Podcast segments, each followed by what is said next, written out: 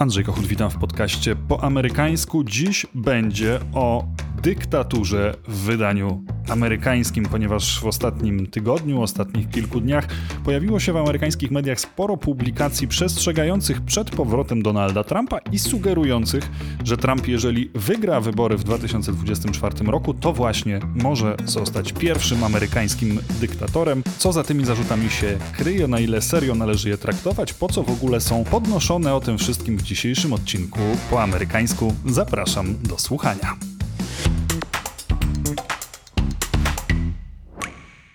Wypada chyba na początku skomentować w krótki sposób e, czwartą republikańską debatę telewizyjną, która właśnie się wczoraj odbyła.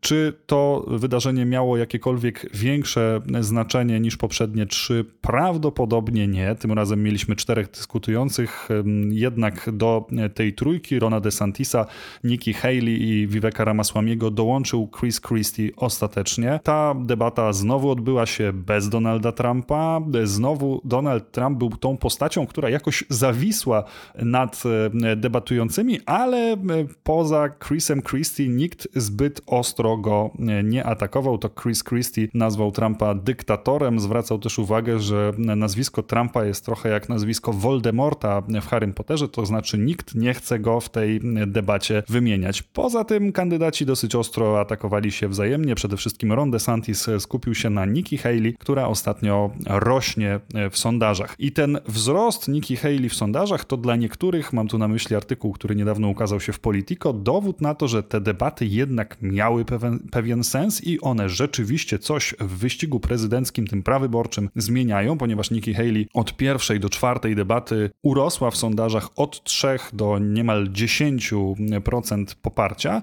Natomiast e, nawet autor tego artykułu musiał przyznać, że te debaty nie przyniosły przełomu, jeżeli chodzi o rzecz na najważniejszą, czyli o umożliwienie tym kandydatom z tyłu stawki dogonienie Donalda Trumpa. A stało się tak pewnie po części dlatego, że mimo iż to już czwarta debata, to ci najważniejsi rywale Donalda Trumpa wciąż nie znaleźli dobrego sposobu, jak o Donaldzie Trumpie mówić, jak się do niego odnosić, atakować go czy nie atakować, jak szukać możliwości zmniejszenia tej przepaści, która dzieli ich od e, tego frontrunnera w sondażach. I ponieważ wciąż tego unikają, no to nie wydaje się, by kolejne debaty mogły cokolwiek zmienić. Trump liderem jest, e, liderem pozostaje i w debatach nie musi brać udziału. Natomiast zwracało uwagę sformułowanie, którego użył właśnie Chris Christie, mianowicie sugerowanie, sugerując, że Trump może być dyktatorem.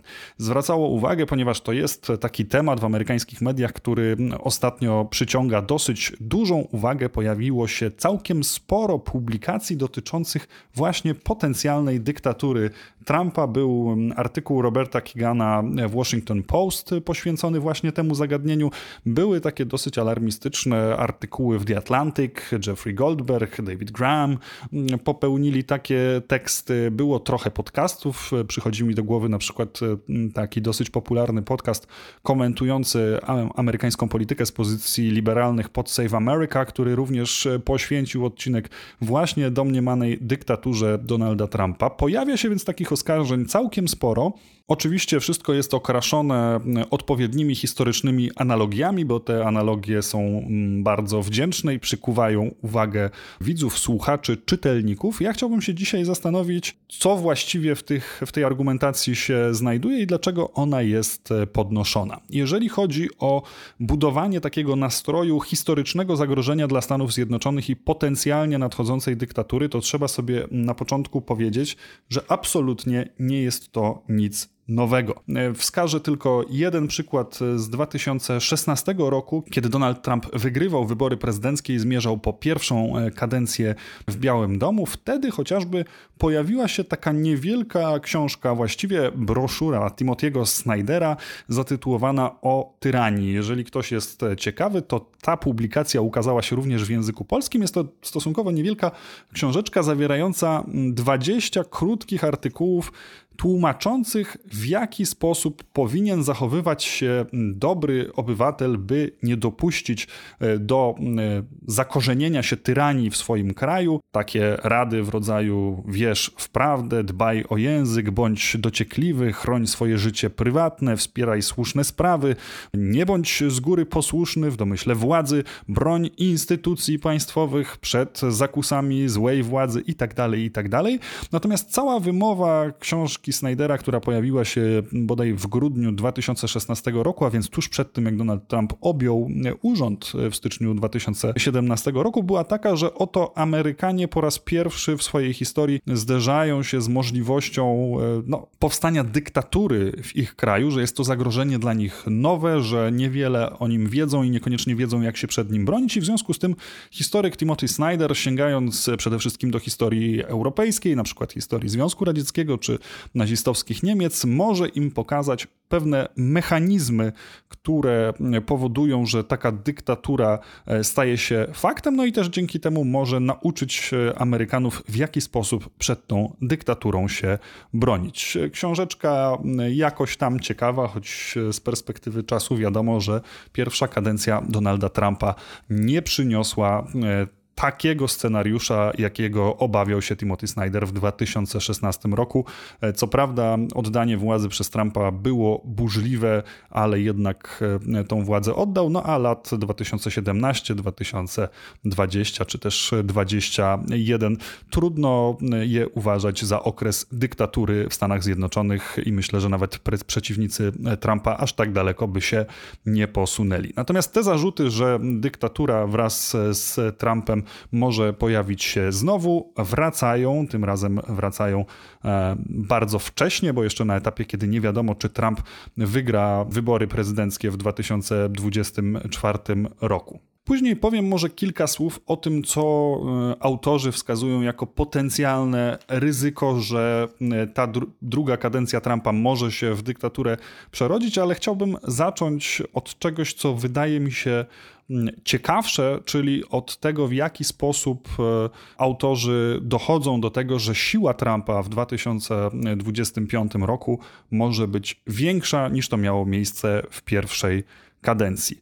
E, takim przykładem, na którym się skupiłem, tak jak mówiłem, tych tekstów było kilka. Był ten tekst Kegana, on był chyba mm, najgłośniejszą taką e, próbą oskarżenia Trumpa o zmierzanie w kierunku dyktatury, czy też ostrzeżenia amerykańskiego społeczeństwa, że taka próba powstania, ukształtowania dyktatury w ich państwie jest możliwa i nadchodzi wielkimi krokami. Keegan wskazuje na to, że już wybory dadzą Trumpowi e, sporą siłę, e, ponieważ e, do tej pory przynajmniej część darczyńców Partii Republikańskiej, tych najbardziej hojnych, tych najbardziej zamożnych, szukała alternatyw dla Trumpa. Ja niejednokrotnie mówiłem o tym w podcaście po amerykańsku, że ci, którzy nie wierzyli w możliwy sukces Trumpa albo go nie chcieli, wspierali na przykład Rona DeSantisa, później skupili się na Nikki Haley, rozważali, czy nie da się wciągnąć do tego wyścigu wyścigu prezydenckiego kolejnych republikańskich kandydatów. Przez jakiś czas myślano o gubernatorze Virginii Glenie Jankinie.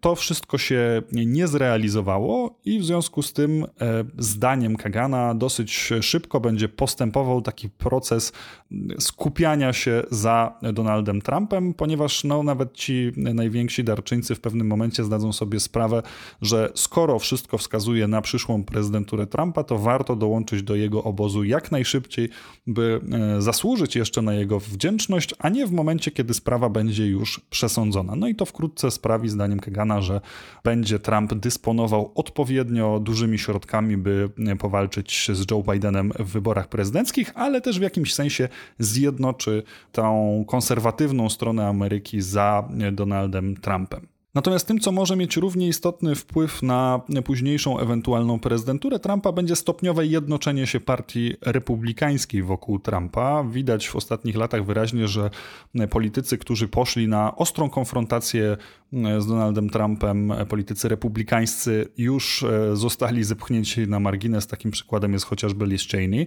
która przecież jeszcze nie tak dawno temu była trzecią osobą w Izbie Reprezentantów w partii republikańskiej, dziś jest po poza kongresem i szczerze mówiąc jej widoki na dalszą karierę polityczną są no, mocno skomplikowane, to chyba nawet mało powiedziane.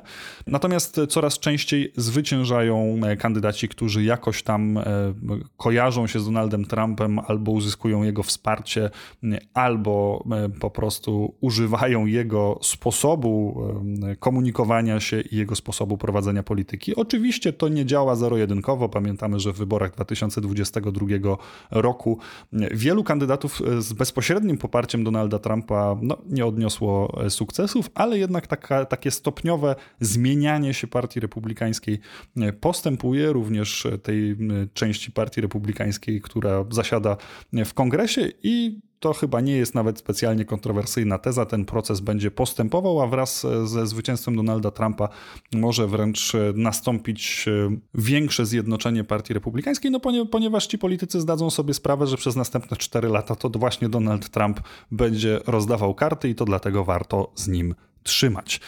Już kampania wyborcza może też dać Trumpowi tak bardzo mu potrzebną uwagę mediów. To było niewątpliwie ogromną siłą Donalda Trumpa e, w czasie pierwszych wyborów prezydenckich i później jego pierwszej kadencji, że właściwie każde jego działanie przyciągało uwagę mediów, dając mu e, de facto darmowy czas reklamowy. Pisali dobrze czy źle, ale pisali wciąż o Donaldzie Trumpie. Nikt nie miał wątpliwości, że Donald Trump jest centralną postacią amerykańskiej polityki i to w pewnym sensie budowało również jego siłę i to pewnie będzie się działo już w czasie kampanii wyborczej, e, kiedy tylko Trump zostanie oficjalnie kandydatem Partii Republikańskiej, a może już wcześniej, w momencie kiedy się stanie jasne, że to on zdominował i wygrał prawybory. Natomiast tym, czego obawia się Kegan i co wskazuje jako argument za tym, że tym razem Donald Trump będzie mógł sięgnąć dalej, jeżeli chodzi o umacnianie swojej kontroli nad amerykańskim państwem, to pewne rozczarowanie amerykańską demokracją, które panuje w amerykańskim społeczeństwie. I ono oczywiście jest faktem. Ta, to rozczarowanie wynika z różnych czynników. Jedni powiedzieliby o tym, że amerykański system stał się mało reprezentatywny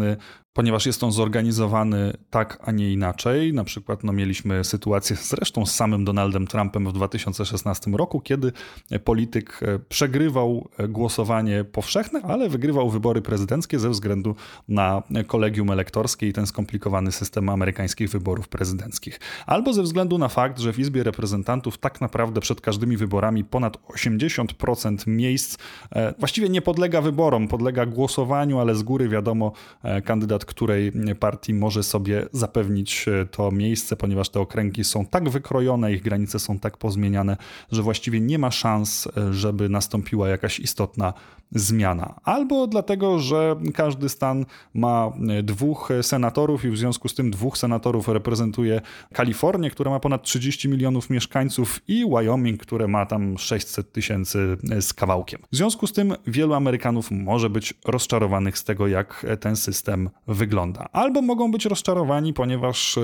również ze względu na to, o czym mówił Donald Trump, zrodziły się w nich wątpliwości co do tego, czy proces organizowania wyborów przebiega poprawnie i czy te rezultaty wyborów, o których później słyszymy, są rzeczywiście wiarygodne. Albo czują się rozczarowani, ponieważ gdzieś nad tą amerykańską demokracją czuwa Sąd Najwyższy, który w dziewięcioosobowym składzie rozstrzyga często najbardziej kluczowe rzeczy dla Stanów Zjednoczonych dotyczące aborcji, broni, wyborów i szeregu innych kwestii i nie ma nad nim demokratycznej kontroli, co również może budzić gniew, że na przykład ktoś może być zwolennikiem powszechnego dostępu do aborcji i wie, że niezależnie od tego, kogo wybierze, kto wygra te wybory, nic i tak się nie zmieni, bo gdzieś tam na górze jest dziewięciu sędziów.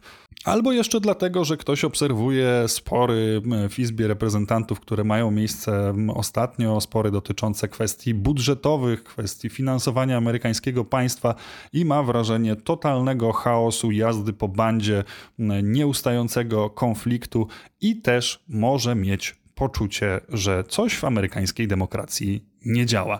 No i to prowadzi Kagana do stwierdzenia, że to sytuacja trochę przypominająca weimarskie Niemcy, gdzie również obywatele byli rozczarowani tym, jak działa demokracja i to oczywiście e, sprzyja takiemu społecznemu przyzwoleniu na to, by władza była silniejsza, sięgała dalej, naginała pewne reguły tylko po to, żeby państwo działało. Osobną kwestią jest e, sprawa wymiaru sprawiedliwości. Wymiar sprawiedliwości mierzy się z Donaldem Trumpem właśnie teraz. Trump ma cztery sprawy kryminalne w czterech różnych miejscach, 90 ponad e, zarzutów, e, przed którymi musi się bronić. I pierwsza refleksja Kegana dotyczy tego, jak właściwie zachowają się sędziowie w czasie kampanii wyborczej, czy nawet jeżeli część tych procesów ruszy jeszcze przed wyborami 2024 roku, na wszystko wskazuje na to, że tak się stanie. Pierwsza sprawa ma ruszyć bodaj w marcu e, w DC.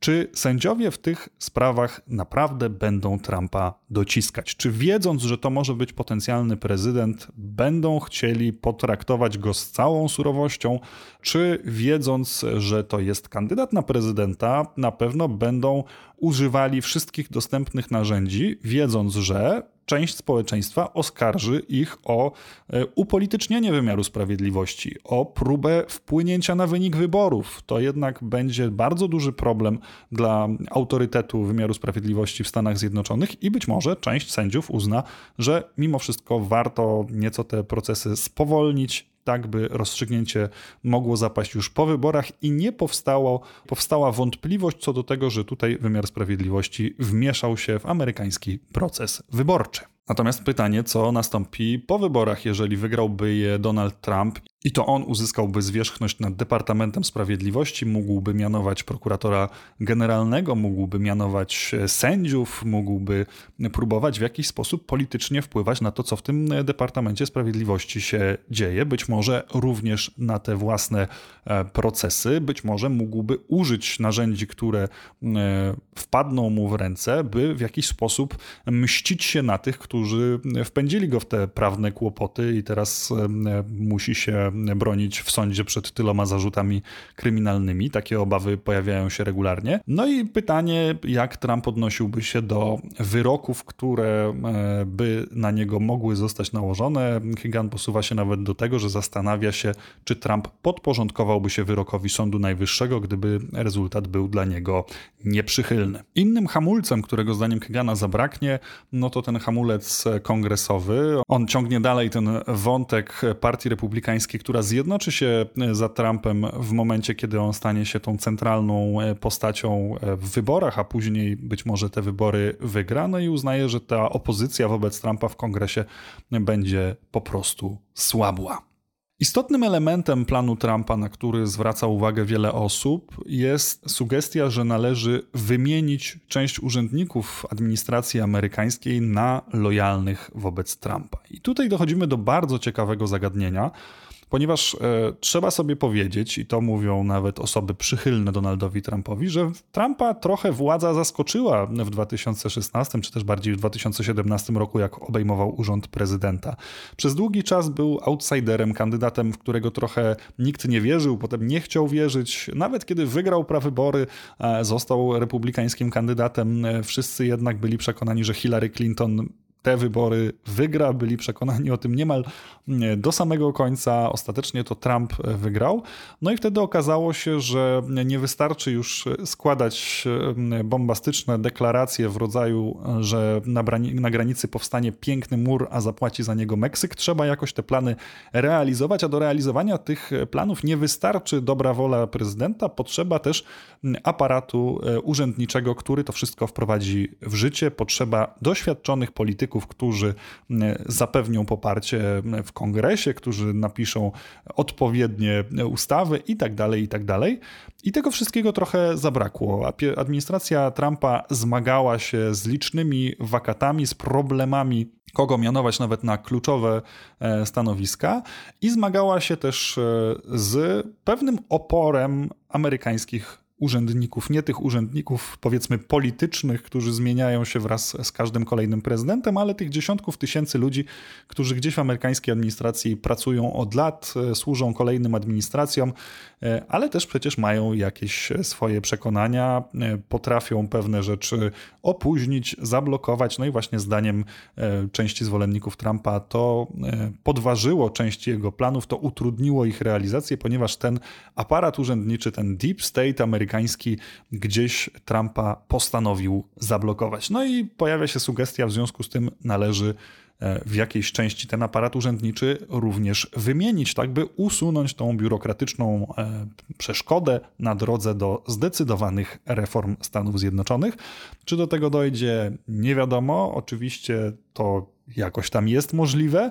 Natomiast e, problem e, polega na tym, że często taka fundamentalna wymiana części klasy urzędniczej e, w danym państwie prowadzi do ogromnego chaosu, ponieważ nowe osoby może będą lojalne wobec Donalda Trumpa, ale nie będą miały kilku, kilkunastu, kilkudziesięciu lat doświadczenia pracy na konkretnym stanowisku i w związku z tym mogą łatwo ci ludzie popełniać błędy, których ich poprzednicy by nie popełnili. Ale czy tak się stanie, zobaczymy. Kagan na razie wskazuje, że to jest jedno z potencjalnych ryzyk.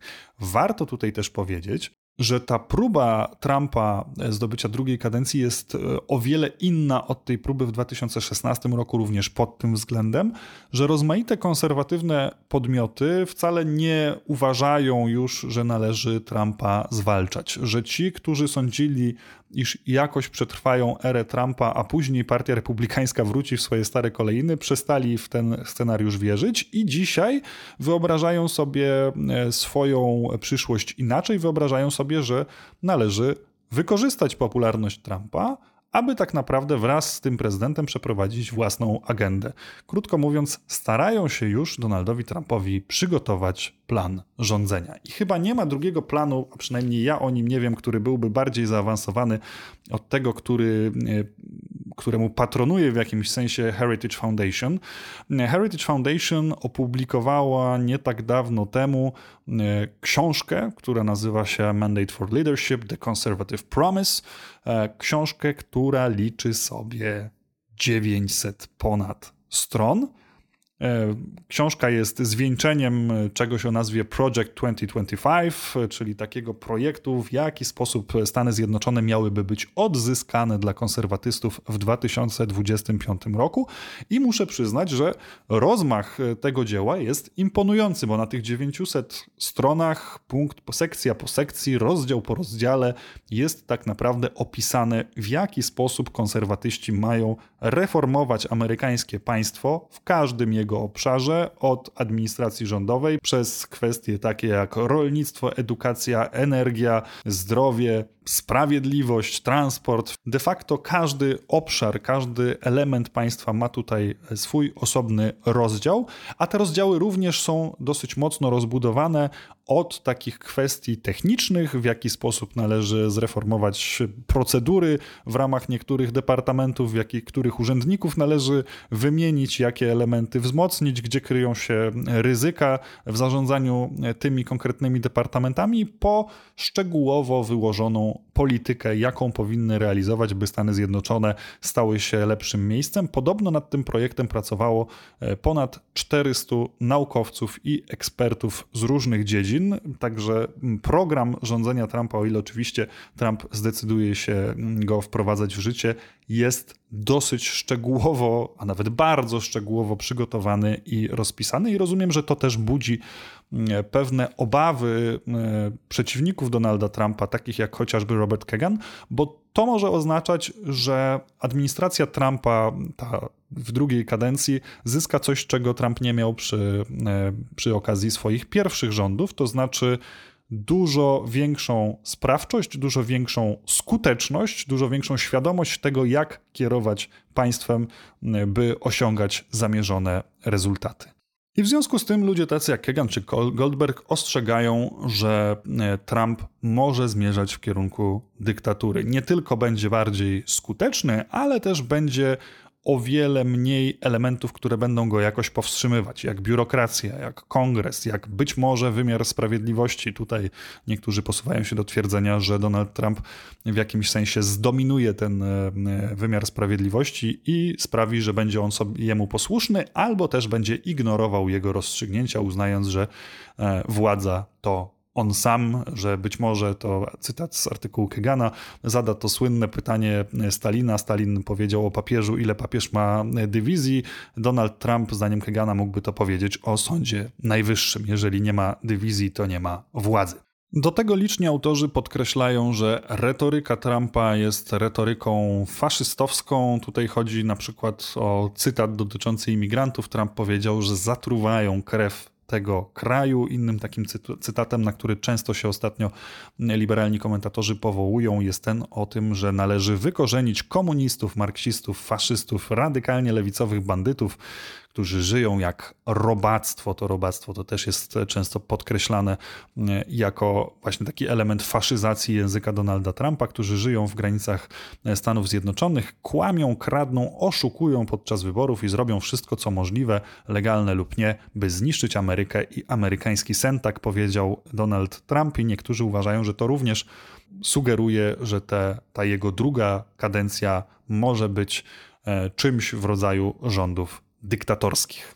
Na ile poważnie należy traktować takie zarzuty? Myślę, że ci publicyści, którzy dzisiaj analizują potencjalną przyszłą kadencję Trumpa, mają rację co do tego, że by Trump powinien być w tej kadencji dużo bardziej skuteczny. Ewidentnie widać, że jego zaplecze eksperckie jest większe, lepiej przygotowane do tego, by podsuwać mu właściwe rozwiązania, że jego otoczenie e, się umocniło, wyciągnęło błędy e, z tej pierwszej kadencji i Trump może również na bazie tych doświadczeń być dzisiaj skuteczniejszy, że wreszcie partia republikańska trumpizuje się coraz bardziej i ta e, przemiana tego, tej, tej strony sceny politycznej, która zaczęła się w 2016 roku, postępuje i to również usunie z drogi Trumpa pewne przeszkody. To wszystko wydaje się słuszną przepowiednią. Rzeczywiście Donald Trump może być skuteczniejszym politykiem Partia Republikańska może być bardziej trumpistowska, a wiele konserwatywnych organizacji może się, mówiąc kolokwialnie, podczepić pod rząd Donalda Trumpa, by pomóc mu złożyć taką prawdziwie konserwatywną agendę. Czy z tego wynika, że Donald Trump e, będzie dyktatorem? Oczywiście każdy polityk, również polityk e, w państwie demokratycznym, może próbować poszerzyć granice swojej władzy poza to, co dopuszczone prawem, konstytucją, i również w Stanach Zjednoczonych jest to możliwe. Natomiast e, mimo wszystko wydaje mi się, że te artykuły e, idą za daleko, twierdząc, że Donald Trump e, będzie dyktatorem, jeżeli wygra drugą kadencję w Białym Domu, i robią to z bardzo określonego powodu. Jak starałem się pokazać w zeszłotygodniowym podcaście, szanse na zwycięstwo Donalda Trumpa nie tylko w prawyborach Partii Republikańskiej, co wydaje się coraz bardziej oczywiste, ale również w wyborach 2024 roku wcale nie są takie małe, wręcz przeciwnie, urosły dosyć znacząco wraz z poważnymi słabościami, z jakimi zmaga się Joe Biden. I te słabości są ewidentne, to znaczy trudno zamknąć oczy na wszelkie pytania dotyczące wieku Bidena, trudno zamknąć oczy na fakt, że amerykańskie społeczeństwo e, nie do końca wierzy w cud gospodarczy za czasów Joe Bidena, co widać dobrze po tym, że sami demokraci wycofali się z hasła Bidenomika, widząc, że obywatele postrzegają gospodarkę inaczej niż tylko przez pryzmat wskaźników makroekonomicznych, że wreszcie sytuacja na południowej granicy Stanów Zjednoczonych również wiele osób niepokoi i ten kryzys imigracyjny również będzie sprzyjał Donaldowi Trumpowi. Z drugiej strony staje się coraz bardziej jasne, że jednak Joe Biden, mimo tych wszystkich obciążeń, będzie kandydatem Partii Demokratycznej w wyborach 2024 roku. Trzeba więc znaleźć sposób, aby zmobilizować jego bazę wyborczą, żeby doprowadzić do tego wyborczego sukcesu. Trzeba też znaleźć e, tematykę tej kampanii, która pozwoli uniknąć tego, co dla niego najbardziej niewygodne. I prawdę mówiąc, dla Joe Bidena w tej chwili najbardziej niewygodna e, byłaby dyskusja o konkretach dotyczących imigracji chociażby, gdzie tak naprawdę coraz większy odsetek Amerykanów e, zgadza się z tym, że należałoby zaostrzyć politykę imigracyjną, ale zaostrzenie polityki imigracyjnej to jest postulat Donalda Trumpa, e, z którym e, Joe Biden polemizował idąc po władzę w 2020 roku. Czy teraz miałby zawrócić stronę Trumpa? No nie jest to najwygodniejsze rozwiązanie. Czy dyskusja o gospodarce ma szansę powodzenia? Myślę, że nie. Joe Biden próbuje to, próbował to zrobić przez ponad rok i nic z tego nie wyszło, trudno sobie wyobrazić, że zbudowałby wokół kwestii gospodarczych zwycięską kampanię. W związku z tym najprawdopodobniej od tej e, merytoryki trzeba będzie w jakiś sposób uciec. I mam wrażenie, że publicyści sprzyjający w jakimś sensie Joe Bidenowi, albo przynajmniej poważnie zaniepokojeni ryzykiem powrotu Donalda Trumpa, zaczynają suflować pewną narrację. Otóż wybory w 2024 roku mają po raz kolejny być wyborami o amerykańskiej demokracji, o tym, czy ta demokracja w ogóle będzie miała jeszcze przyszłość. W domyśle, jeśli wygra Donald Trump, to e, tej przyszłości mieć nie będzie, będzie to koniec amerykańskiej demokracji. I trochę mam wrażenie, stąd bierze się ten alarmizm artykułów dotyczącej rzekomej, e, dotyczących rzekomej dyktatury Trumpa. Oczywiście w tych artykułach można znaleźć trochę sensownych diagnoz dotyczących tego, jak Trump może wzmocnić swoją pozycję jako prezydent w tej drugiej kadencji, ale jednocześnie znajduje się sporo historycznych analogii, do których już zdążyliśmy się przyzwyczaić, sporo przypuszczeń co do tego, e, co Donald Trump mógłby zrobić w takiej czy innej sytuacji i jaka pokusa mogłaby się okazać dla niego trudna do odparcia. Mam też wrażenie, że mimo wszystko te artykuły ignorują, ponieważ bardzo chcą udowodnić, że Donald Trump tym dyktatorem będzie, wszystkie te rzeczy, które stają na przeszkodzie amerykańskim prezydentom w realizowaniu ich śmiałych wizji, czego doświadczył przecież nie tylko Donald Trump, ale czego doświadcza niemal dzień po dniu Joe Biden. A mianowicie tego, że jeżeli republikanie nie uzyskają 60 głosów w amerykańskim Senacie, to bardzo trudno będzie im coś przepchnąć przez kongres, tak samo jak trudno było w pierwszej kadencji Trumpa, tak samo jak trudno było w kadencji Joe Bidena. jeżeli ich przewaga w Izbie Reprezentantów pozostanie podobnie niewielka, jak to miało miejsce do tej pory, również będzie czasem trudno, tak jak dzisiaj Freedom Caucus i ci bardziej trumpistowscy republikanie potrafią zahamować bardziej umiarkowanych kolegów, tak w przyszłości ci bardziej umiarkowani koledzy mogą hamować radykałów. Jeżeli e, partia nie zmieni się jakoś fundamentalnie, to ta przeszkoda przecież pozostanie.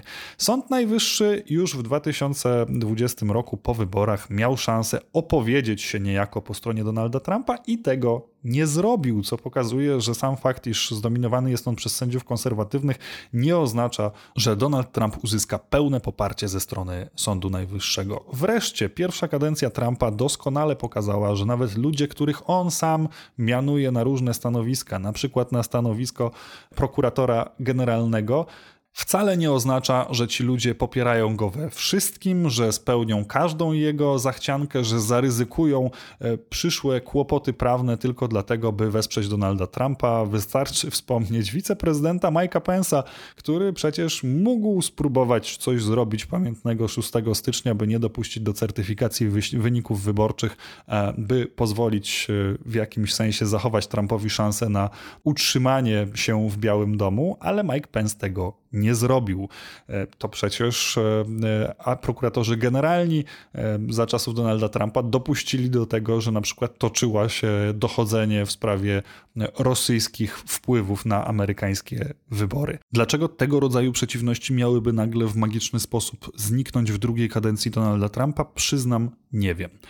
W związku z tym mam wrażenie, że ta retoryka jest nieco na wyrost, że to trochę próba powrotu do tego, co pisał Timothy Snyder w przededniu pierwszej kadencji Donalda Trumpa, po to, by wprowadzić tą kampanię wyborczą na nieco inne tory, po to, by znowu była to bitwa pomiędzy siłami dobra a siłami zła, w której osobiste cechy, zalety, wady kandydatów tracą na znaczeniu. Znaczenie ma, który obóz wygra i czy demokracja zostanie uratowana. W tych kategoriach oczywiście łatwiej będzie, mówiąc kolokwialnie, sprzedać Joe Bidena jako atrakcyjnego kandydata, który może ma swoje wady, może jest w zaawansowanym wieku, może nie poradził sobie idealnie w pierwszej kadencji, ale jednak zawsze stanowi bezpieczniejszą opcję na przyszłość niż chaotyczny Donald Trump, który może sięgnąć po władzę dyktatora. Oczywiście stoi to w sprzeczności z deklarowanymi często e, koniecznością odejścia od polaryzacji w amerykańskiej polityce i niestety stanowi potwierdzenie tego, o czym na przykład pisałem w mojej książce Ameryka Dom Podzielony, do której czytania serdecznie zachęcam, że polaryzacja tak naprawdę Niestety, ale służy politykom, którzy jej używają, ponieważ pozwala im ignorować wszelkie afery i skandale, pozwala im mobilizować swój elektorat i to widzimy. Ostatnie wybory w Stanach Zjednoczonych to właściwie rekord za rekordem, jeżeli chodzi o frekwencję. Pozwala im ignorować merytoryczne tematy w kampanii i skupiać się wyłącznie na atrakcyjnej walce dobra ze złem. I tu widzimy to po raz kolejny. I właśnie ciekawe jest to, że po tego rodzaju metody sięgają na razie komentatorzy liberalni, którzy wyraźnie zaniepokoili się tymi ostatnimi sondażami wskazującymi na dość poważną szansę, że Donald Trump wybory wygra. I to już wszystko na dzisiaj. Dziękuję za to, że zostaliście ze mną do końca tych nieco długich rozważań. Jeżeli podoba Wam się to, co pojawia się w ramach podcastu po amerykańsku, to bardzo serdecznie zachęcam Was do wspierania podcastu na platformie Patronite. Odpowiedni link znajdziecie poniżej. Zachęcam też do subskrybowania, śledzenia podcastu zarówno na YouTubie, jak i na innych platformach podcastowych Spotify, Apple Podcast, Google Podcast czy gdziekolwiek indziej podcast po amerykańsku znajdziecie. Andrzej Kochut, do usłyszenia. thank you